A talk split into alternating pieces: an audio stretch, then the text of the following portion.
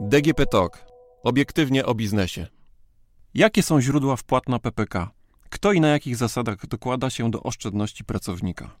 Według założeń programu Pracownicze Plany Kapitałowe, PPK to dwa razy szybsze oszczędzanie, gdyż do oszczędności, które na swoim indywidualnym rachunku, czyli rejestrze, gromadzi pracownik, dokłada się również pracodawca oraz państwo. Pracodawca i pracownicy przekazują do PPK wpłaty podstawowe oraz dodatkowe, oczywiście jeśli sami tak postanowią. Z kolei państwo przekazuje wpłatę powitalną oraz dopłatę roczną. Rolą pracodawcy jest przekazanie do rejestru wpłaty podstawowej w wysokości 1,5% wynagrodzenia brutto. Jeśli zgodzi się na wpłatę dobrowolną, może ona wynieść maksymalnie 2,5% wynagrodzenia brutto. Tu warto zaznaczyć, że wysokość wpływów nie musi być jednakowa dla wszystkich zatrudnionych w firmie. Pracodawca ma prawo wpłaty różnicować, czy to ze względu na długość okresu zatrudnienia osób, albo na podstawie regulaminu wynagrodzeń lub zbiorowego układu pracy. Firma może również zmienić wskazaną wcześniej wysokość wpłaty dodatkowej lub z niej zrezygnować. Pracodawca musi tu jednak pamiętać o procedurze, gdyż zmiana wymaga również zmiany umowy o zarządzanie PPK. Jaki jest skutek zmiany wysokości opłaty dodatkowej? Obowiązuje ona od miesiąca następującego po miesiącu, w którym została dokonana ta zmiana. Przepisy ustawy o PPK dają pracodawcy swobodę w określaniu wysokości wpłaty dodatkowej. To nie oznacza jednak całkowitej dowolności. Eksperci w zakresie wdrażania PPK sugerują, że bezpiecznym kryterium, według którego pracodawca może wprowadzić różne wysokości wpłat dla swoich pracowników, jest staż ich pracy. Inne kryteria muszą zostać określone czy to w regulaminie wynagradzania, czy też w zbiorowym układzie pracy. Firma, ustalając zasady różnicowania wpłat dodatkowych, musi pamiętać o zakazie dyskryminacji w zatrudnieniu – na przykład nie może przez nią zostać przyjęte, że personelowi zatrudnionemu w niepełnym wymiarze czasu pracy będzie przysługiwała wpłata dodatkowa w wysokości 1%, a pozostałym pracownikom w wysokości 2% wynagrodzenia brutto.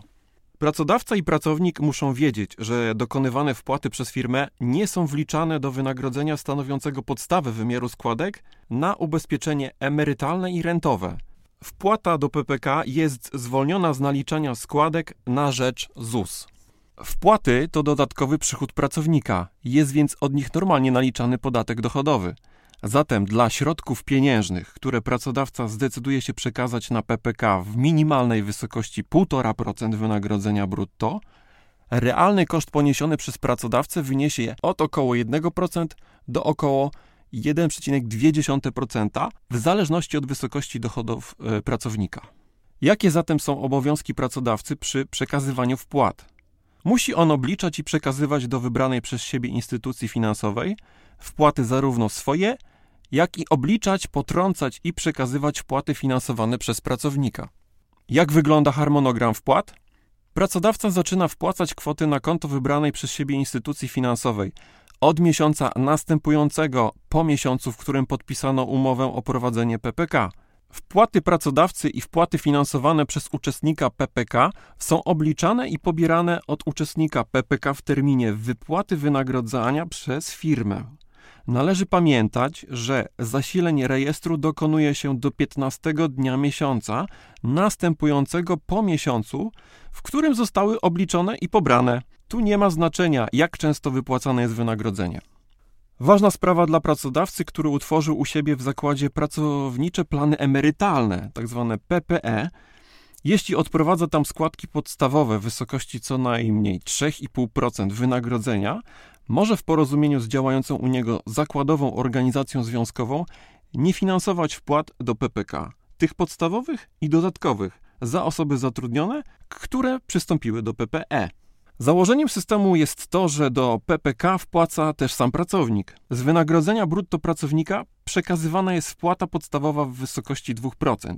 Może ona również zostać obniżona do 0,5% wynagrodzenia brutto, jeśli łączne wynagrodzenie osiągane z różnych źródeł w danym miesiącu nie przekracza kwoty odpowiadającej 1,2 krotności minimalnego wynagrodzenia. Decyzja w tej sprawie należy do pracownika. Jeżeli zdecyduje się on na obniżenie wpłaty podstawowej, powinien złożyć pracodawcy odpowiednią deklarację, w której określi jej wysokość. Taki dokument pracownik powinien złożyć w miesiącu, w którym jego wynagrodzenie osiągane z różnych źródeł nie przekroczyło kwoty odpowiadającej 1,2-krotności minimalnego wynagrodzenia. Należy przy tym pamiętać, że obowiązkiem pracodawcy jest informowanie swojego personelu zarówno o możliwości obniżenia wysokości wpłaty podstawowej, jak i możliwości zadeklarowania wpłaty dodatkowej. Pracownik do puli oszczędności może wpłacać co miesiąc również dobrowolną wpłatę dodatkową, która może wynieść maksymalnie 2% wynagrodzenia brutto. Maksymalna wpłata do PPK, zarówno po stronie pracodawcy, jak i pracownika, może wynieść 4% wynagrodzenia brutto. Zatem łączna maksymalna wpłata do PPK to 8% wynagrodzenia brutto. System zakłada elastyczność i dobrowolność oszczędzania. Zatem pracownik może zmienić już raz podjętą decyzję w sprawie wysokości wpłaty podstawowej oraz dodatkowej. Może też całkowicie zrezygnować z płaty dodatkowej. Co się wtedy wydarzy? Zmieniona wysokość wpłaty podstawowej obowiązuje od miesiąca następującego po miesiącu, w którym uczestnik PPK złożył zaakceptowaną przez pracodawcę zmianę deklaracji. Należy pamiętać, że wpłaty finansowane przez pracownika są potrącane z wynagrodzenia po jego opodatkowaniu. Co ciekawe, przepisy ustawy o PPK pozwalają na zastosowanie tzw. Tak mechanizmu antykryzysowego. Polega on na tym, że pracodawca i jego pracownik nie mają obowiązku finansowania wpłat podstawowych i wpłat dodatkowych, np. w okresie przestoju ekonomicznego, obniżonego wymiaru czasu pracy, w przypadku niewypłacalności pracodawcy, w czasie przejściowego zaprzestania prowadzenia działalności gospodarczej lub jej ograniczenia, np. na skutek powodzi i braku środków na wypłatę wynagrodzeń dla pracowników. Warto wiedzieć, że pomimo wystąpienia takich sytuacji, pracownik wciąż sam może wpłacać zarówno wpłatę podstawową, jak i dodatkową. Trzecim ogniwem gwarantującym pomnażanie oszczędności w PPK jest państwo – Dokonuje ono jednorazowej wpłaty powitalnej w wysokości 250 zł oraz dopłaty rocznej w kwocie 240 zł. Wpłaty ze strony państwa to zatem kwoty z góry określone, niezależnie od wysokości dochodów, ale aby je otrzymać, należy spełnić warunki określone w przepisach ustawy o PPK. Jeśli chodzi o wpłatę powitalną, pracownik może na nią liczyć po tym, jak przez trzy pełne miesiące będzie oszczędzać w PPK i za co najmniej 3 miesiące dokona wpłat podstawowych. Wpłata powitalna przekazywana jest w terminie 30 dni po zakończeniu kwartału, w którym uczestnik PPK spełnił warunki do jej otrzymania. Co do opłaty rocznej, oszczędzający może na nią liczyć, gdy wpłaty podstawowe i dodatkowe w danym roku wyniosą co najmniej 3,5%, liczone od sześciokrotności minimalnego wynagrodzenia w roku, za który dopłata jest należna – Pracownicy, których wpłaty podstawowe są niższe niż 2%, ci o niższych dochodach, muszą zgromadzić co najmniej 25% powyższej kwoty.